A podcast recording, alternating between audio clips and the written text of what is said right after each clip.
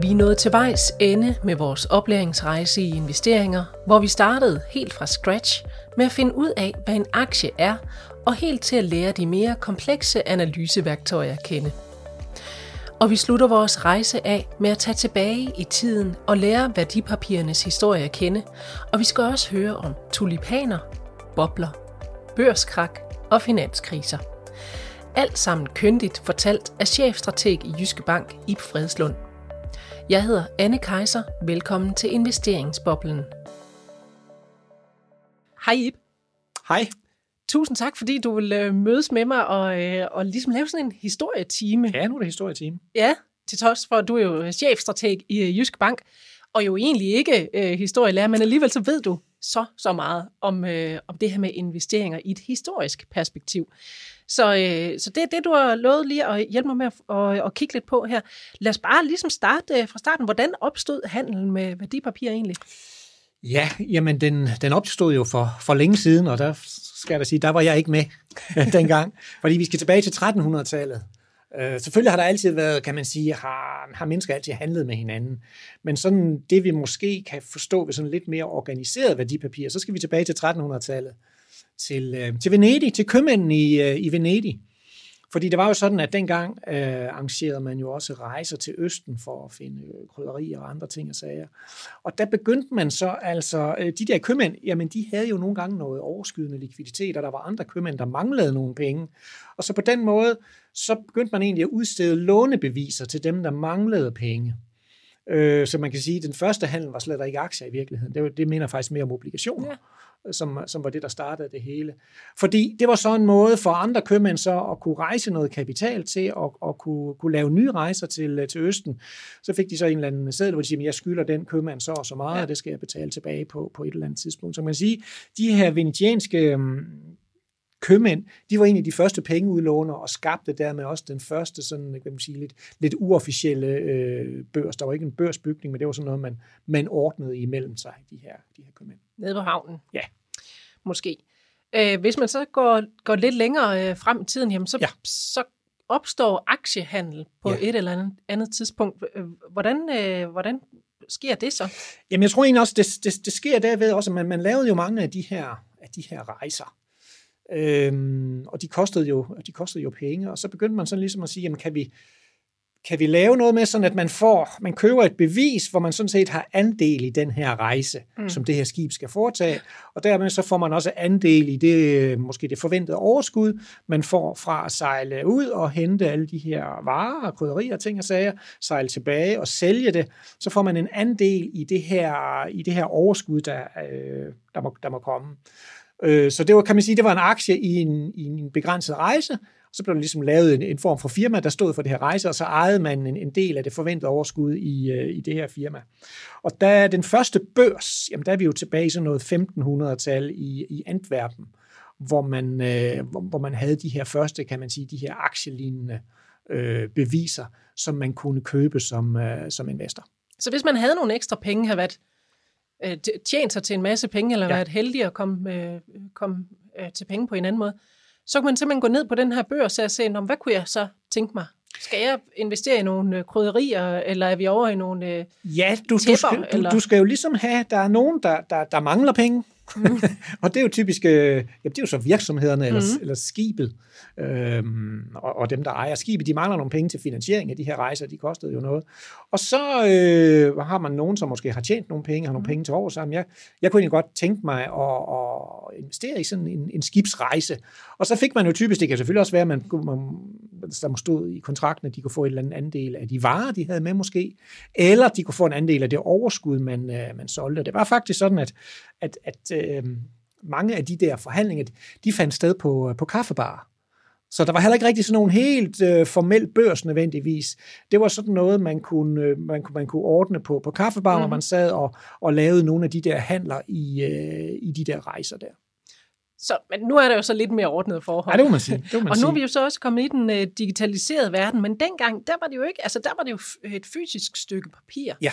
Vil det sige, at man kun kunne handle aktier eller obligationer øh, inden for sådan geografisk øh, afgrænset område, altså inden for sin egen, sit eget land måske? Ja, altså der vil jo typisk nok være, kan man sige, hvis man taler om, at der var øh, de her nationale børser, så vil hovedparten af værdipapirerne, det vil jo nok være øh, virksomheder, der var i det land, mm. som man kendte, og man så kunne købe de her øh, fysiske aktier i. Men altså, et land som England for eksempel, som jo var en stor kolonimagt og sejlede rundt omkring hele verden og havde, havde interesser også mange steder i udlandet, de etablerede faktisk også sådan en form for øh, udenlandsk børs i London, hvor man handlede nogle af de udenlandske øh, værdipapirer, øh, sådan at man også kunne, kunne købe aktier i, i udenlandske virksomheder i virkeligheden.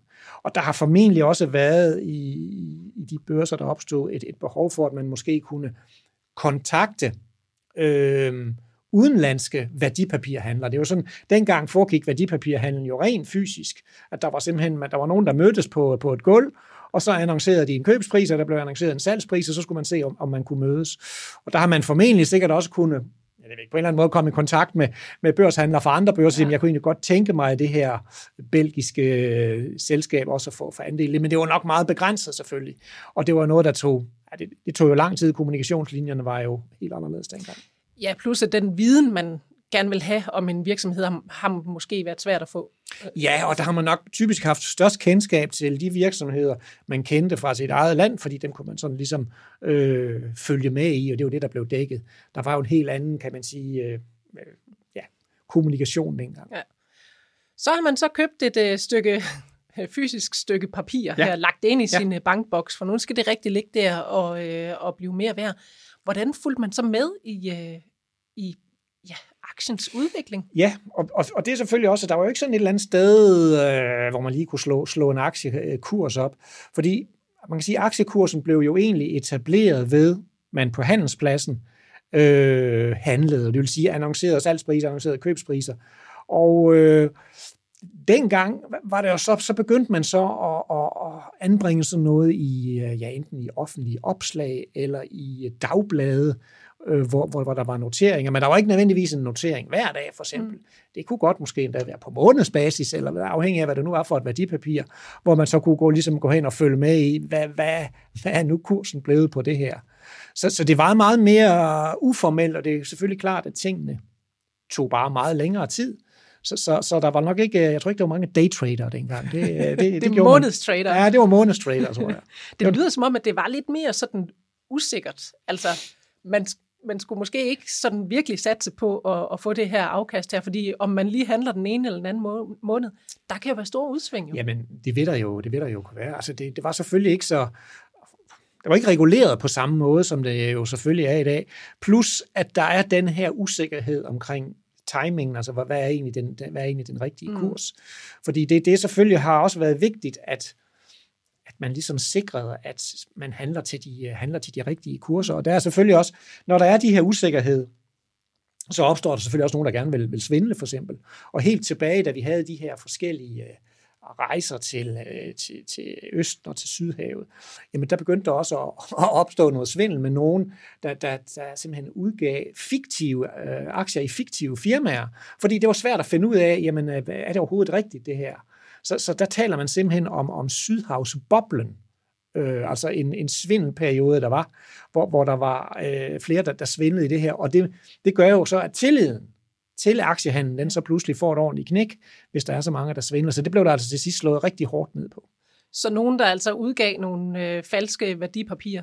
Ja. Og så måske, øh, hvem ved, tog øh, til Sydhavsøerne, men glemte at komme hjem igen. Ja, eller måske ikke engang tog til Sydhavsøerne, men i hvert fald sagde, at vi har jo en meget spændende ekspedition her til Sydhavsøerne, som man kan købe andele i, øh, og kæmpe store afkast lover man, og så i virkeligheden er det bare svindel og ja. selskaber, der ikke øh, eksisterer. Mm. Der har sågar været, og det, det så, så går vi helt til ekstremerne, øh, nogle af de her handle, som, som, som, som opfandt lande, der ikke eksisterede og sige, at det her land har udstedt en obligation med kæmpe fine afkast. Så, så opfindsomheden, den, den fejlede heller ikke noget dengang. Men til trods for det, så må det jo have haft en øh, betydning for, øh, for vores samfund, at øh, man begyndte at kunne investere. Ja. Hvad har det betydet? Jamen, det har egentlig betydet alt, fordi man kan jo sige, at, at øh, værdipapirmarkederne og den finansielle sektors opgave, det er jo egentlig at formidle penge, formidle kapital øh, fra dem, der har kapital, til dem, der mangler kapital. Mm og så får de jo typisk et eller anden, en eller anden rente for det, øh, eller de får et eller andet afkast for det. Så det gør jo, at man meget mere effektivt kan få gang i den økonomiske vækst. Man kan få finansieret den økonomiske vækst meget mere effektivt, end hvis nu hver enkelt skulle, skulle fare rundt og prøve at spørge naboer og bekendte, om de kunne øh, låne vedkommende nogle penge. Jamen så kan den her virksomhed, den kan så gå på børsen og sige, vi har den og den øh, idé og forretningsmodel, øh, og derfor vil vi gerne søge noget kapital, udstede nogle aktier, og investorerne, de kan så sige, øh, jamen vi har noget overskydende kapital, som vi gerne vil have forrentet på en eller anden måde, og vi vil gerne stille det til rådighed for den her virksomhed i håbet om at få et eller andet øh, afkast selvfølgelig. Og øh, har det, er det den samme betydning, man ser i dag øh, altså på markederne og for, for samfundet, at, øh, at man kan handle på den måde? Ja, det, det, det, det, det tror jeg er helt afgørende, fordi øh, vi ved jo, at, at og det er egentlig ret basalt, det handler om, at, at dem, der har noget overskydende kapital, de kan komme i kontakt med dem, der mangler kapital. Mm. Og det er jo egentlig en, øh, en smart måde, at man ligesom kan centralisere det, og man kan også sørge for, i dag finder der jo så også en, en sådan en form for ja, kreditcheck, at, at, at dem, man rent faktisk så øh, låner sine penge af, eller låner sine penge til, eller den aktie, man køber, at det er nogen, der ligesom er tjekket, og, mm. og, og det ikke er svindelfirmaer og ting og sager, så at man kan gøre det med, med ro, at man kan købe den her aktie eller den her obligation, fordi det er analyseret og det er tjekket øh, af enten den finansielle sektor eller andre øh, på børsmarkedet, at, at det er det skal, det skal være okay det her. Mm. Så, så det er hele den der omallokering af kapital, det er jo den, der jo blandt andet giver os en, en god økonomisk vækst, og ultimativt giver os øh, velstand mm. øh, i virkeligheden. Det er derfor, vi har kunne forøge vores velstandsniveau, blandt andet, at vi kan få den her kapital formidlet ja. rundt i samfundet. Du nævnte øh, selv øh, en boble ja. før, og, og har man set øh, TV-avisen øh, eller nyhederne en gang imellem, jamen, så har man jo nok stødt på det her begreb her med boligboble ja. eller nogle andre bobler inden for investeringsverdenen. Ja. Hvad er sådan en boble egentlig? Jamen boble, hvis du tænker sådan en sæbelboble, den kan jo den kan vokse.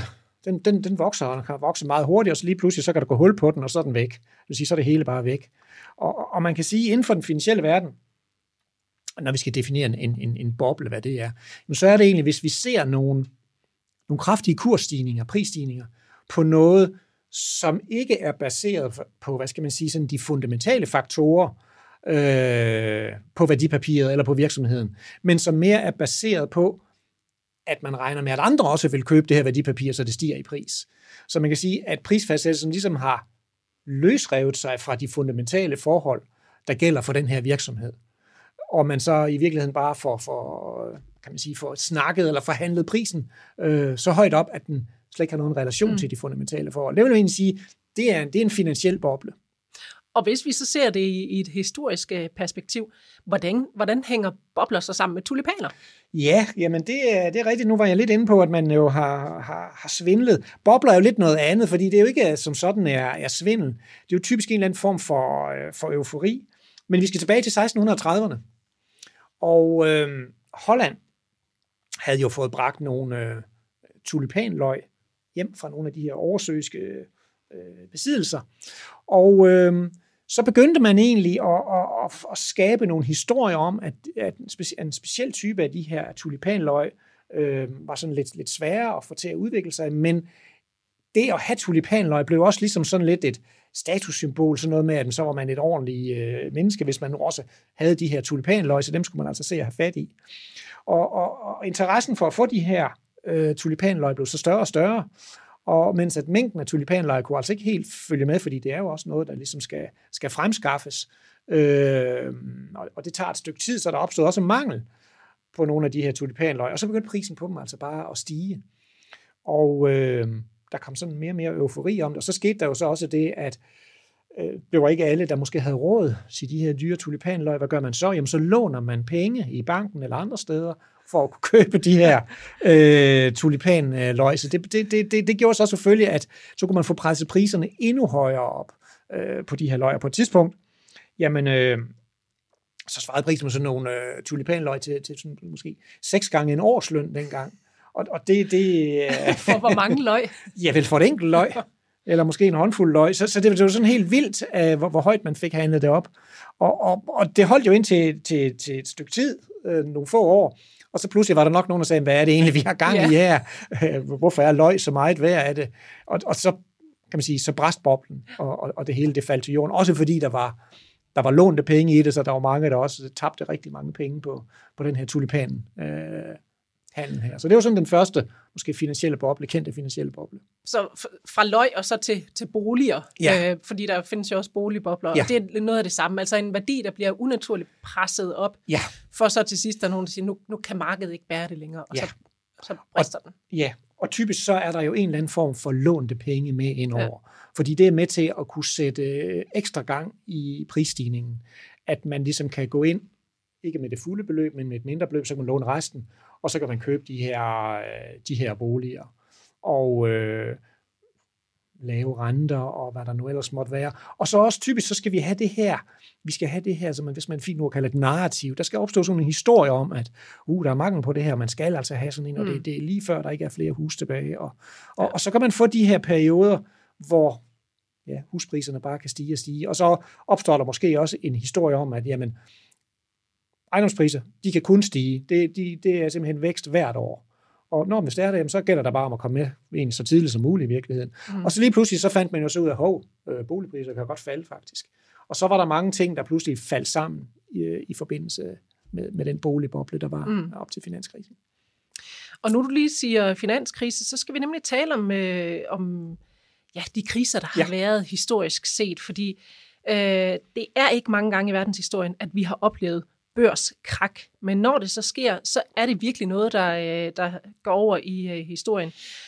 Og nu skal vi næsten 100 år tilbage i tiden til 1929. Verden står over for en øh, økonomisk krise. Hvad er det, der sker der? Jamen, øh, man skal jo tænke på, at øh, vi har selvfølgelig haft første verdenskrig øh, fra 14 til 18, og så var der egentlig i 20'erne, der var begyndt at komme, øh, når man lige var kommet over den, den, den værste efterkrigsperiode, en optimisme i økonomien, om at nu går det virkelig fremad, og nu har man bare øh, styr på det hele. Øhm, og, og der var også rigtig høj vækst i USA fra, fra 1924 og frem efter. Og øhm, det, det gjorde jo så også, at når der er høj vækst, jamen, så er der også god gang i virksomhederne. Det betyder også, at der er god gang i indtjeningen.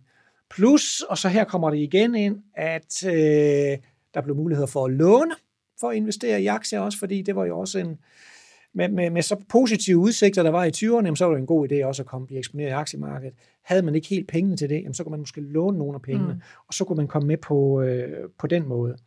Og, og, og derfor så havde vi jo, at, at aktiemarkedet igen blev, blev pumpet op til nogle rigtig høje værdier, som igen måske også havde mistet relationen til, hvor godt, hvor godt gik det egentlig i, øh, i økonomien.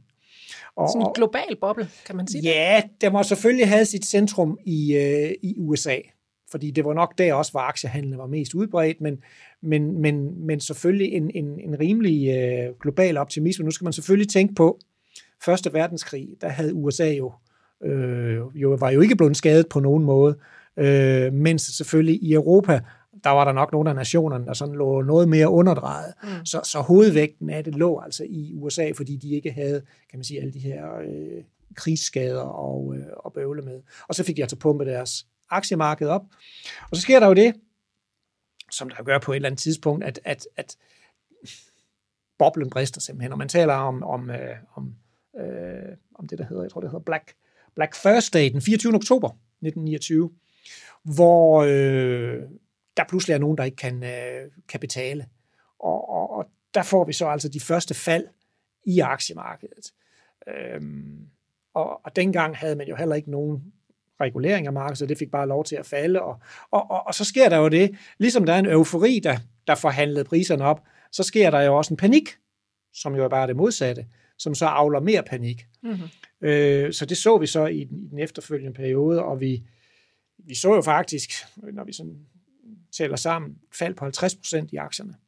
Og øh, der, gik, øh, der gik faktisk 25 år, før vi kom tilbage på det niveau, vi havde før krakket i, øh, i 29. Nu kan selvfølgelig også huske, at nu kom 30'erne med, med depressionen derefter jo også, ikke? Og, og, og gjorde jo også sit til det. Man skal tænke på, at dengang havde man slet ikke de der politiske interventioner, som vi har i dag med hjælpepakker. Det, det, det var ikke noget, man, øh, man brugte. Man havde måske heller ikke pengene til det. Og havde måske også i USA mere sådan en holdning til, jamen øh, lad falde, hvad ikke selv kan stå. Det, det, må, det, må, det må så kunne klare sig. Det gjorde så altså, at krisen jo blev, blev rigtig øh, langstrakt. Men det var jo sådan, det første rigtig store børskrak, det var, det var der i, i 29 på Wall Street. Og så skal vi faktisk rigtig langt frem i historien. Ja. Øh, for det, det kan føles som om, der, der er kriser hele tiden, men det er der jo sådan set ikke.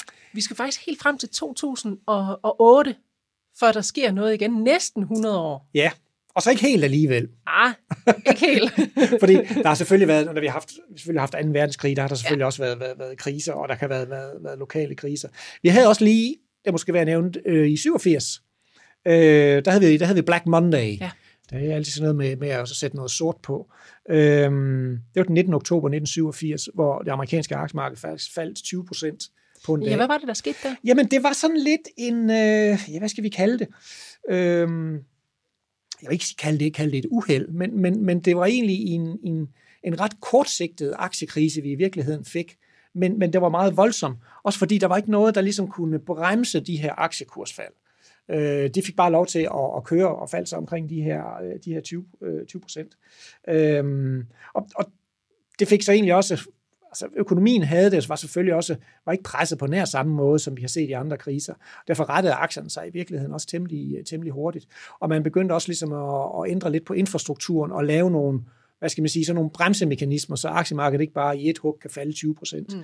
Så det blev lidt sådan en, når man kigger på sådan en, en kursgraf, så kan man se det som sådan et lille, ret dybt blip selvfølgelig, men aktierne kom i virkeligheden hurtigt til, tilbage til udgangspunktet.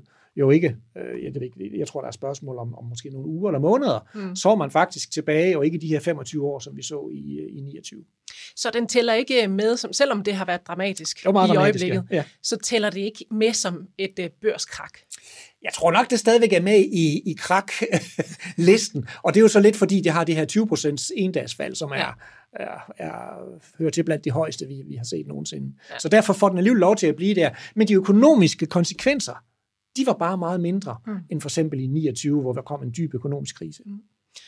Og så skal vi frem til 2008, ja, ikke? det skal vi. Fordi der har vi jo øh, virkelig en krise, der rammer på verdensplan igen. Ja. Øh, det kan de fleste af os vel øh, huske. Det, det, der, var, der blev øh, rystet i bukserne på, på verdensplan, ja. og virkelig mange, der var bange for, hvad skal der ske nu? Ja. Og med god grund, øh, for det gik jo galt. Hvad var det, der skete der? Jamen, det var jo en, øh, den blev jo kaldt sådan den, den store finanskrise.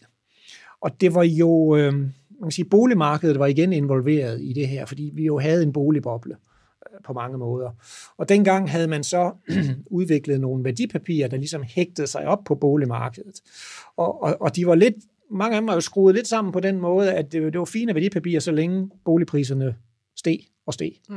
Men, men, men det var værdipapirer, der, der virkelig kom i vanskeligheder, hvis boligmarkedet det pludselig begyndte at gå nedad. Og det var det, det, be, det begyndte at gøre. Fordi vi havde set meget kraftige øh, boligprisstigninger i virkeligheden. Og igen var vi jo inde også med en masse finansiering. Det vil sige, der var en masse lånte penge ind over det her, hvor jo øh, også den finansielle, finansielle sektor havde været inde og finansiere mange af de her bobler. Også den finansielle sektor, specielt nogle af investeringsbankerne, havde været meget aktive med hensyn til at udstede øh, de her lidt specielle værdipapirer, som jo også typisk var det, man kalder, kalder gearet. Det vil sige, at, at i virkeligheden var det sådan, at, at hvis så øh, boligprisen steg 1%, jamen så kunne man så gange det måske med 10, det afkast, man fik på, på værdipapirerne. Det lyder vældig fint, men når det kører den anden vej, mm. så gør det selvfølgelig også øh, ekstra ondt. Og det blev jo også sådan, at, at mange steder i USA, jamen der blev boliger bare sådan noget, ligesom et investeringsobjekt. Og, og, og det kunne gøres meget billigt, og der var en aktiv markedsføring, og det betød også, at folk, der i virkeligheden ikke havde råd til at have en ejerbolig, jamen de jo nogle gange, øh, udover at have en ejerbolig, jamen så som investeringsobjekt, så købte de måske en eller to lejligheder. Fordi forventningen var jo, ja, jeg har egentlig ikke rigtig penge til de her lejligheder, men jeg kan låne pengene. Mm. Og kan vide om øhm, en fire måneder, så er prisen på de her lejligheder, de er nok steget så meget, at jeg kan sælge dem med fortjeneste, og så kan jeg afdrage mit lån. Mm. Så længe det går opad, ja, så passer pengene, men, men så snart det begynder at gå nedad, jamen så, øh, så går det altså galt, og det gjorde det jo så i, øh, i stor stil. Og det, der så skete, det var ud over boligboblen bristede, og mange jo tabte penge på de her boliger og på boligværdipapirer. Så fordi den finansielle sektor ligesom var, var så meget involveret i det her, også med de her værdipapirer, så begyndte det at gøre ondt i den finansielle sektor også. Mm. Og nogle af de her store investeringsbanker kom i virkelig store vanskeligheder. Øh, og, og, og nogle kollapsede jo også. Der er sikkert mange, der kan huske uh, Lehman Brothers.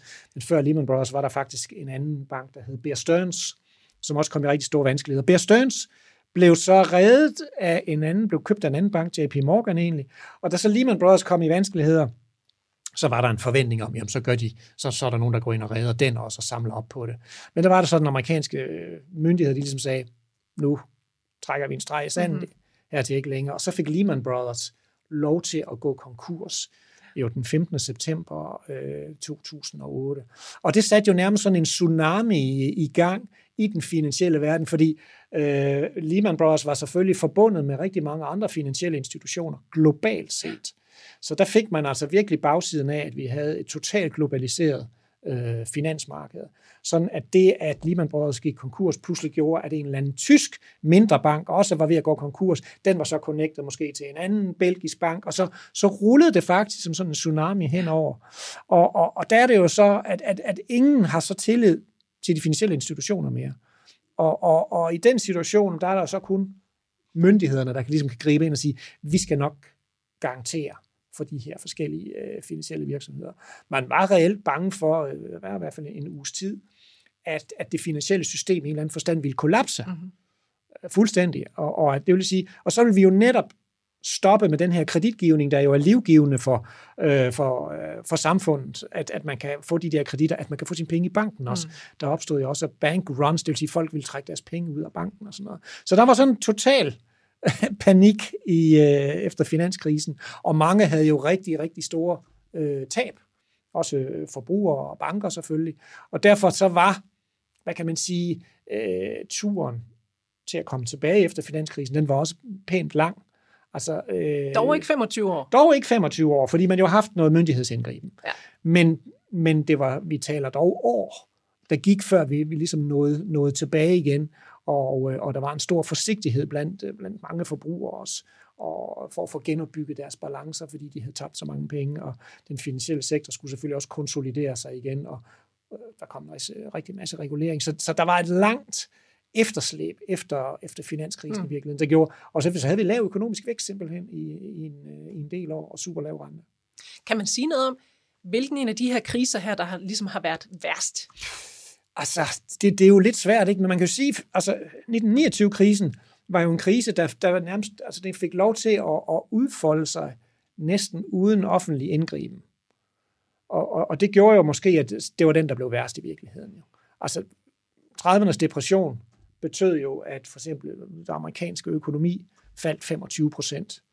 Helt gigantisk meget. Mm. Så store fald så vi jo ikke efter finanskrisen. 30'ernes depression gjorde jo også, at folk jo jeg ved ikke, om de sultede, men der var i hvert fald suppekøkkener og dyb, dyb økonomisk krise, indtil man jo et stykke ind i 30'erne ligesom fandt ud af, det kan godt være, at vi er nødt til at koble noget myndigheder på ja. med nogle hjælpepakker. Der var man selvfølgelig egentlig klar under finanskrisen øh, til at, at gå ind med, med flere af de her hjælpepakker øh, og, og hjælpeforanstaltninger, der, der kom. Så på den måde så afværgede man jo, at man fik 30'erne igen, men der var klart, da det hele bullerede og bragede der i efteråret 2000, så var der, der var nogen, der var nervøs for, ja, skal, vi, skal vi have øh, 30'erne en gang til? Men, men der man sige, der myndighedernes indgriben gjorde, at det fik vi altså ikke. Så på den måde, øh, selvom måske at nogle af beløbene var større under finanskrisen, det var selvfølgelig også, fordi de finansielle markeder blev meget større, øh, og dermed var deres påvirkning på økonomien jo også større, øh, så var den almindelige, hvad kan man sige, det velstandstab, der kommer, og den påvirkning, der var selvfølgelig nok mindre efter finanskrisen, end i 1929, hvor, hvor det jo altså gik øh, super lang tid. Men altså, slemt nok var det jo. Og så var forskellen selvfølgelig også, som du siger, det der med, at myndighederne på en eller anden måde har spændt et sikkerhedsnet ja. ud under øh, samfundet. Ja, og det tror jeg, det er, det, det er den helt afgørende faktor, at, at man ligesom siger, at vi, vi, vi er godt klar over, at myndighederne er nødt til at agere stopklods, hjælpe, mm. øh, lave hjælpeaktion her, sådan at vi ikke bare slipper det hele løs, fordi så risikerer man jo en eller anden dominoeffekt i den private ja. økonomi og i den finansielle sektor, som det tager mange år ligesom at, at genetablere. Og, og det var nok lidt, øh, det var selvfølgelig også den lære, man havde øh, fra 29, at, at man, man, man kan ikke bare lade det, lade det rulle, det er altså lidt for barsk. Det var trods alt en god læring, man havde med der. Ja. Når vi bevæger os endnu tættere på øh, nutiden til 2020, ja der sker der jo noget igen med verdensøkonomien i forbindelse med coronaudbruddet. Marts 2020, det var en øh, hæftig måned på, øh, på øh, de finansielle markeder. Det må man sige. Øh, men en decideret krise, det bliver det jo faktisk ikke til. Hvad, hvad var det, der, der skete der, som er anderledes end de her øh, Ja, krak? de andre. Ja. ja. Jamen altså, jeg har jo kaldt det lidt sådan en, øh, ja, en, en sluk- og tænd-krise. Øh, hvis vi bare kigger på, øh, kigger på aktiemarkedet, øh, Øhm, det falder 35 procent i løbet af, af 6 uger, og så begynder det allerede at rette sig fra den 23. marts. Og øh, vi skal jo ikke mange uger så frem, før at aktiemarkedet begynder næsten at være tilbage på, på niveauerne, før det, det virkelig tog en, øh, en tur ned. Men coronakrisen er jo, er jo speciel på den måde, at øh, den, den økonomiske nedgang, der kommer, øh, skyldes jo, at, at myndighederne, politikerne med vilje sætter økonomien i stå. De Mm. går hen og slukker for strømmen til økonomien, fordi at vi skal have den her virus slået ned, og det gør vi ved, at folk bliver hjemme, og, og på den måde holder, holder afstand. Så det er en helt bevidst handling fra, fra myndighederne, der siger, at vi tager lige strømmen nogle, nogle måneder, og så lader det hele stå på standby. Det er klart, altså, så, så får vi nogle, nogle kæmpe store BNP-fald. Det er klart, de BNP-fald, vi har set her i forbindelse med coronakrisen, de er faktisk større end dem, vi fik under finanskrisen. Men finanskrisen var alligevel, hvad skal man sige, velstandsmæssigt nok, det var en større krise, mere alvorlig krise, mere langvarig krise, end coronakrisen var, selvom, hvad skal man sige, tallene øh, måske var større i de Mm. BNP-fald. Og, og der er det jo sådan, at, at, at under coronakrisen var man jo også straks klar med hjælpepakker. Og kigger man på, hvor mange hjælpepakker, der er blevet givet, og hjælpeforanstaltninger fra centralbankerne, så er det jo faktisk lige, eller så er det jo sådan, at de hjælpepakker var større efter coronakrisen end efter finanskrisen. Så der var man endnu mere alert på, og det gælder altså om at, at holde gang i, i folks økonomi, så at vi ikke starter en eller anden øh, en negativ dominoeffekt. Ja. Og det er jo derfor, at, at øh, da man så tændte for økonomien igen øh, på, på strømkontakten, jamen så havde man ikke oplevet nær så stort, hvad skal man sige, velstandsfald blandt, øh, blandt forbrugere for eksempel, fordi de har jo fået de her forskellige hjælpepakker. Virksomhederne havde også fået hjælpepakker og kunne låne billigt mm. og, og, og forskellige ting og sager. Så man holdt ligesom, man holdt aktørerne flydende, mens man havde slukket for økonomien. Og det gjorde så, at så kunne vi hurtigere ligesom få gang i flowet igen, få gang i økonomien igen. Selvfølgelig tager det noget tid at starte sådan en stor maskine op som den globale økonomi, men, men det har simpelthen gjort, at vi bare hurtigere kommer tilbage. Og de finansielle markeder, sådan er det jo med, med aktiemarkederne, de er altid fremadskuende. Aktiemarkederne, de prøver potentielt i dag at reagere på, hvad der sker om måske 6-9 måneder. Så de vil altid reagere øh, før. Det er jo derfor, aktiemarkedet vendte den 23. marts, øh, Mm. for eksempel, og, og begyndte at stige, selvom vi jo skal længere hen, før økonomien rigtig begyndte Ja. at, øh, at vinde. Så det er det, der gør, at, øh, at coronakrisen specielt, og også specielt på den måde, under finanskrisen, der oplevede rigtig mange jo, hvad skal man sige, store velstandsfald, øh, stor tab i deres øh, værdier, deres boliger og aktier og ting og sager. Det har der heller ikke været den her gang. Boligpriserne er faktisk steget her under den her krise, jo. også fordi renterne har været så, så lave, som de mm. har. Der har været de her hjælpeforanstaltninger. Så vi har ikke på samme måde fået ødelagt værdien af de forskellige balancer rundt omkring i økonomien, og derfor er krisens varighed derfor også kortere end under finanskrisen. Vi kan hurtigere komme tilbage til, til normalen, så at sige. Betyder det så, at vi i fremtiden kan forvente, at der ikke er de helt store kriser? Ja, det er, jamen det, det er, det er et godt spørgsmål. Der, der er jo et, der har været sådan et, et, et udtryk på engelsk, som man kalder the great moderation, som egentlig var, var en tanke, der opstod, den opstod vel sådan i, uh, måske i starten af nullerne, at nu er vi nået til et punkt, hvor, hvor vi, kan, vi kan undgå de der store økonomiske udsving, og så kom finanskrisen. Øhm, så jeg tror, man er nok klar over, at vi får også den næste økonomiske krise og den næste aktiekrise på en eller anden måde. Men der er nok også en forventning om, at myndighederne vil stå klar med diverse hjælpeforanstaltninger og, og øh, former for sikkerhedsnet til at prøve at redde det. Det, der jo så er, er, er tilfældet, det er jo, det er jo ikke gratis om alle de her hjælpepakker, så vi har jo oplevet, at øh, den vestlige verden, eller nærmest hele verden, jo har forgældet sig. Det vil sige, at den offentlige gæld er jo vokset ganske mm. markant. Og spørgsmålet er jo, kan, kan man blive ved med at lege redningsmand sådan øh, med, med jævne mellemrum øh, med de her voksende gældsniveauer? Det er vel det, som, som folk er lidt nervøse for. Og hvad sker der nu i der, hvor renterne ikke er rekordlave? Mm. Kan man så afdrage ordentligt på den, øh, på den gæld? Og man kan selvfølgelig sige, at regeringen de kan jo altid beskatte befolkningen, men det, det er selvfølgelig også noget, der, der gør, at befolkningens købekraft falder. Så, så, så det er jo ikke gratis at, at gøre det her, men, men der vil være en forventning om, at den næste krise, når, og den kommer, øh, at, at der vil der også være myndighedsindgriben øh, mm. på en eller anden måde. Og den kommer, siger du, i. Ja. Jamen, øh, Hvornår? Nej, det, ikke, det, lige, ikke lige nu. du er trods alt, øh, kan man sige, øh, mere sikker i at kigge øh, tilbage i tiden her. Det må man sige, der har vi næsten fuldstændig ret. Ja. og, og derfor så har jeg også et, et spørgsmål angående det, der sådan set er sket de, de sidste 100 års tid. Der går næsten 100 år mellem de her to store kriser, ja. vi har talt om nu. Men verden har jo ikke været øh, stået stille. Der har været en anden verdenskrig, der har været kold krig, der har været en masse alt muligt andet ja. krigs øh, øh, halløj rundt omkring, og er det jo sådan set stadigvæk. Øh, hvordan har vi undgået økonomiske kriser i de situationer? Altså, nu kan man selvfølgelig sige, det, det lyder som om, at, at der har været helt fryd og gammel fra, fra Wall Street og så ind til, til finanskrisen. Der var faktisk noget, der hed oliekrisen i 70'erne som også gjorde, at øh, vi fik rigtig høj inflation, fordi oliepriserne de steg, og der havde vi faktisk også nogle år med, med, med, rigtig, med, rigtig, dårlig, med rigtig dårlig vækst. Øh, men vi har nok, det har sådan været mere måske lokale kriser, vi har haft. Der har også været, der har også været nogle bankkriser i starten af 90'erne faktisk, både i USA, også i, øh, i Sverige for eksempel. Og vi har også haft, sikkert nogen, der kan huske IT-boblen, starten af nullerne, som også gav nogle store kursfald, men, men var jo måske ikke på samme måde en global økonomisk recession, som finanskrisen var. Øh, så, så, så det, er slet, det er jo ikke sådan, at vi slet ikke har haft nogen, øh, nogle kriser i virkeligheden. Men jeg tror selvfølgelig, en af de ting, der gør jo, at, at det kan ramme globalt, det er jo, at de finansielle markeder er, er bundet sammen øh, i et eller andet globalt netværk. Og det gør jo, at når der sker noget et sted, jamen så har det også konsekvenser, konsekvenser andre steder. Men det vigtige er selvfølgelig, øh, vi har også haft den europæiske gældskrise for eksempel, jo, hvor, hvor Grækenland og de sydeuropæiske mm. lande øh, nærmest, mm. nærmest gik konkurs. Rigtig slemt for de lande selvfølgelig, men, men jo øh, andre steder i verden, vi har haft stærk vækst i Kina, og, og USA var nok også mindre, mindre ramt af det. Det er jo nok ligesom, når vi ikke har de helt store aktører blandet ind i krisen, altså USA eller Kina måske, så bliver kriserne lidt knap så, så, så store i omfang, fordi de er de to største økonomier i verden. USA har så de største finansielle markeder.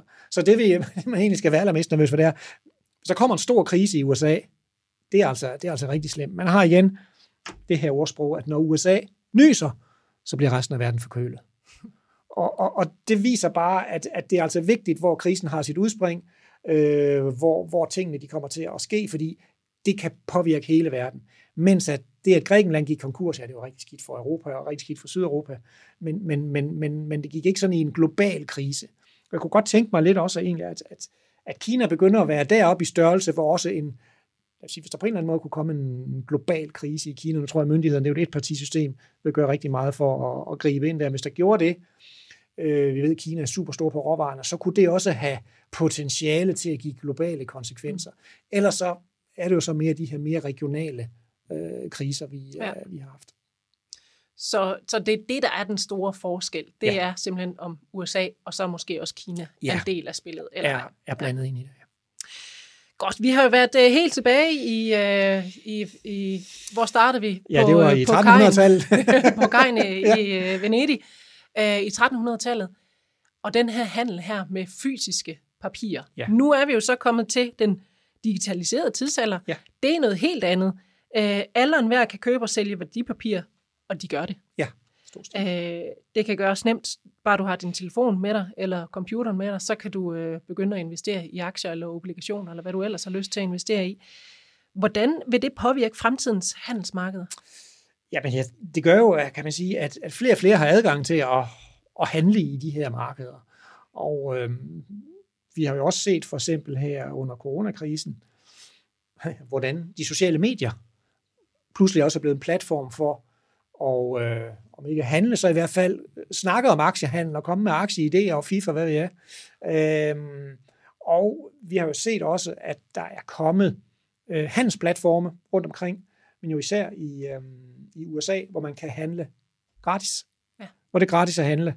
Øh, de skaffer sig så indtægter på andre måder. Det er selvfølgelig klart, at øh, det sætter jo også i gang i, i aktiehandlen. For det første, hvis man er i lockdown derhjemme og ikke har noget at, at lave, og man får stimulans, øh, checks ind ad, ind ad døren, og man kan handle gratis aktier, så har man alle ingredienserne til, at, hvad der virkelig kan komme gang i, øh, komme gang i aktiehandlen. Øhm, så det gør selvfølgelig, at, at det bliver mere ja, på en måde mere demokratisk. Det bliver udbredt til mange flere at kunne handle aktier. Men der er selvfølgelig også en, en aktiehandel og en værdipapirhandel, der finder sted, hvad skal man sige, i mere professionel regi, de store, øh, de store fonde. Og der tror jeg, der er det jo sådan noget som hastighed, der er super afgørende. Mm. Det er sådan noget som øh, også automatisering af handelen. Altså alle de, der er jo allerede i dag algoritmer, som styrer en del af handelen. Altså hvor man lægger nogle handelsregler ind, så man ved, der kan man reagere lynhurtigt, man kan reagere med store beløb, øh, og, og det skal også helst være med en, en, en, stor, en stor hastighed i virkeligheden. Mm. Så det tror jeg, det, det bliver bare mere og mere øh, udbredt i virkeligheden. Øhm, og så er der selvfølgelig også, det, det stiller så selvfølgelig også nogle krav til, jamen, hvad med reguleringen af det her? Det, det er selvfølgelig også vigtigt, at, at man sørger for, at det ikke øh, løber amok på en mm. eller anden mm. måde. Så der vil selvfølgelig også være, jeg tror, det der issue med, med regulering bliver også en, en, en stor ting fremover. At, at, at man har sådan nogenlunde styr på, hvad der, hvad der foregår på de her, på de her børser. Og med hensyn til, man kan sige sådan den, den, den, den private øh, investering, vi har snakket lidt om, ja, det der med de sociale medier, hvilken rolle de spiller, også som formidling af, af, af information om, om investering og finans. Øh, nogle gange sådan lidt et Wild West-marked, men, men, men det er i hvert fald meget demokratisk på en måde. Øh, så tror jeg jo også, at sådan noget, nogle af de her store temaer, som for eksempel bæredygtighed, vil komme til at gennemsyre alt, der har med investering at gøre og også med kapitalfinansiering at gøre. Øh, sådan at, at det bliver et tema, som vil være interessant for investorer også i, i lang tid. Og så bliver det selvfølgelig et, et, et spørgsmål om at sige, vi ved, at aktiemarkedet alt er forud. Der er sikkert nogle områder, der så måske er til inden for bæredygtighedsområdet, der er priserne måske stukket af, og igen har forladt fundamentalerne. Så der kan også godt komme bobler inden for bæredygtig investering. Mm. Det skal man også være, være, være opmærksom på, selvfølgelig. Øh, og lige så vel kan man sige, nu er vi jo meget øh, efter det her med fossile brændstoffer. Men vi skal jo stadigvæk bruge fossile brændstoffer, i hvert fald sikkert en hel del år endnu, måske 10, 15, 20 år endnu. Så der kan faktisk også, hvis der ikke rigtig kommer noget kapital til de virksomheder, så kan man faktisk godt forestille sig, at, at nogle af de ting, de leverer, det bliver knappe ressourcer faktisk i en årrække, og så skal prisen på deres aktier måske op også, selvom de i gås øjne er nogle af de sorte virksomheder.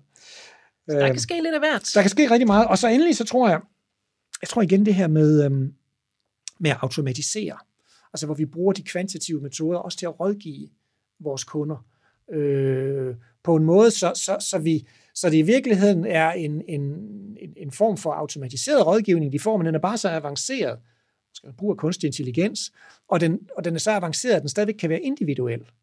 Øh, det det, det, det det, der måske kan blive fremtiden i det her, at, at man i virkeligheden kan opleve på mange måder øh, at, at blive, blive rådgivet på en eller anden måde er, jeg vil ikke sige en robot, men i hvert fald støttet af en robot, mm. øh, men det samtidig er meget individuelt tilpasset øh, kunden. Det tror jeg også er et område, som, øh, som har en stor, stor fremtid, der vil ske rigtig meget inden for, for det. Så yderligere digitalisering og yderligere ja. kunstig intelligens ja, det, øh, i højere grad, det, det er fremtiden. Det tror jeg. Og så er der selvfølgelig hele, man kan sige, hele casen omkring øh, ja, det her med disruption.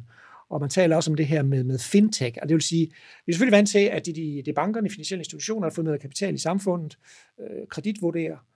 Spørgsmålet er så, om man også via det digitale, kan der komme noget konkurrence der andre typer virksomheder, som i virkeligheden har, er super gode til det digitale, men som måske også bevæger sig ind på det her med kreditformidling. Øh, det er jo i hvert fald også noget, der kan være en udfordring. Det kan mm. også være, at de går sammen med nogle af de finansielle institutioner, men, men der er helt sikkert også nogle, nogle udviklingstendenser der. Mm. Det lyder som om, at du kunne øh, gå hen og blive arbejdsløs i fremtiden, Ip. Nej, fordi der skal jo være nogen til at lave podcast om alt det her. Prøv at forklare, hvad delen der nu foregår. Og vi skal jo også tænke på, og, og det er jo egentlig en meget sjov øh, ting, fordi øh, vi kigger selvfølgelig også på vores kvantitative modeller. Her i november, da vi fik nyheden om den første vaccine, jeg tror det var den 9. november, en dato man ikke så lige skal glemme, øh, der kan vi så se, før de her ting i virkeligheden slog igennem i øh, regnskabstallene, der gik der et stykke tid, så der kunne, fordi modellen læser jo ikke aviser. Men vi læser aviser, vi er mhm. klar over, hvad der foregår. Så der kan vi selvfølgelig, der er der stadigvæk brug for den menneskelige indgriben til at korrigere øh, vores investeringer. Så jeg tror, jeg tror stadigvæk, der er arbejde til os en, en, en hel del år endnu. Du tror ikke, at øh, den kunstige intelligens øh, kommer til at læse aviser i fremtiden? Det kan godt være, at, at, den, øh, at den gør det, men, men altså, så, så kan vi forhåbentlig lave noget behageligt i, øh, i fritiden, og der er borgerløn, og, og vi kan tage det stille og roligt. Jamen, det er godt. Lad os uh, satse på, at du ikke bliver arbejdsløs lige forløbig. Det bliver spændende at se, hvordan uh, handelsmarkederne kommer til at udvikle sig i uh, fremtiden. Du skal have tusind tak uh, for at at tage os tilbage i tiden, mange århundreder tilbage i tiden, og altså også lige et lille kig ind i fremtiden, hvad vi måske kan forvente os inden for investeringer der. Tak for hjælpen, og god arbejdsløst. Tak skal du have. Du har lyttet til Jyske Bank podcasten Investeringsboblen Programmet er tilrettelagt og produceret af mig, Anne Kejser, og jeg vil gerne sige tak til de medvirkende i podcasten. Du kan lytte til de andre episoder i serien der, hvor du finder dine podcasts, eller på Jyske Banks hjemmeside. Så kan du se mere om at komme i gang med at investere på jyskebank.dk-investering. Og hvis du har spørgsmål eller kommentarer til podcastserien, kan du kontakte redaktionen på redaktionen Tak fordi du lyttede med.